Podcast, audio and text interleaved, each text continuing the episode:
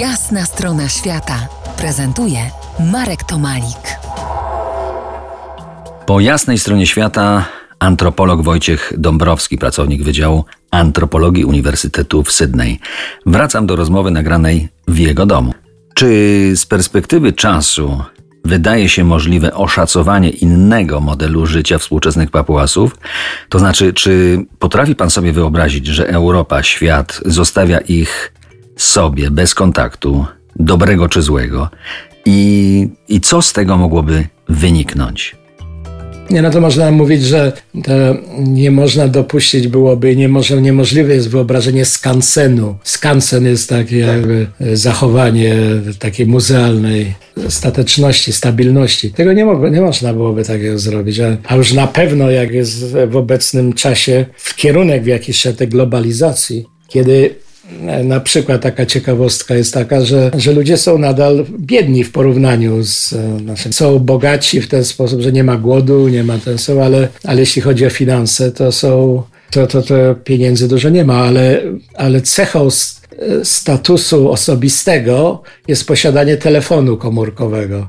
Wszyscy muszą mieć, wszyscy muszą mieć telefon komórkowy. Nie mają pieniędzy na kredyt do tego są, ale dlatego się składa jest na kredyt na jedną komórkę, którą dzwonią, ale każdy inny ma telefon też, więc jest lista telefonów, bo że można odbierać, ale nie aktywnie dzwonić.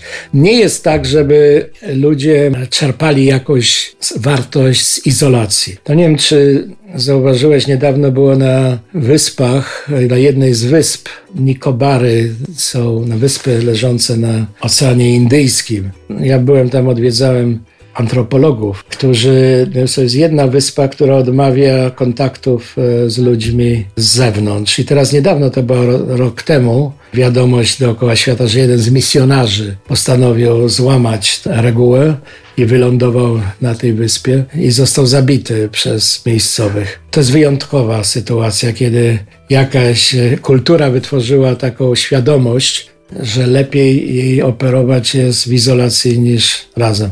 Natomiast Nowogwinejczycy, a już szczególnie e, górale w Manhagen i okolicach, to są spragnieni kontaktu po to, żeby w jakiś sposób się podłączyć do tej mocy, siły, którą widzą, że jest obecna poza ich terytorium.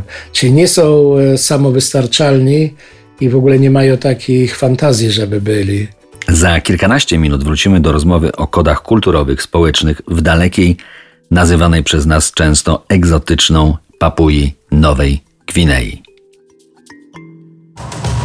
To jest jasna strona świata w RMS Classic.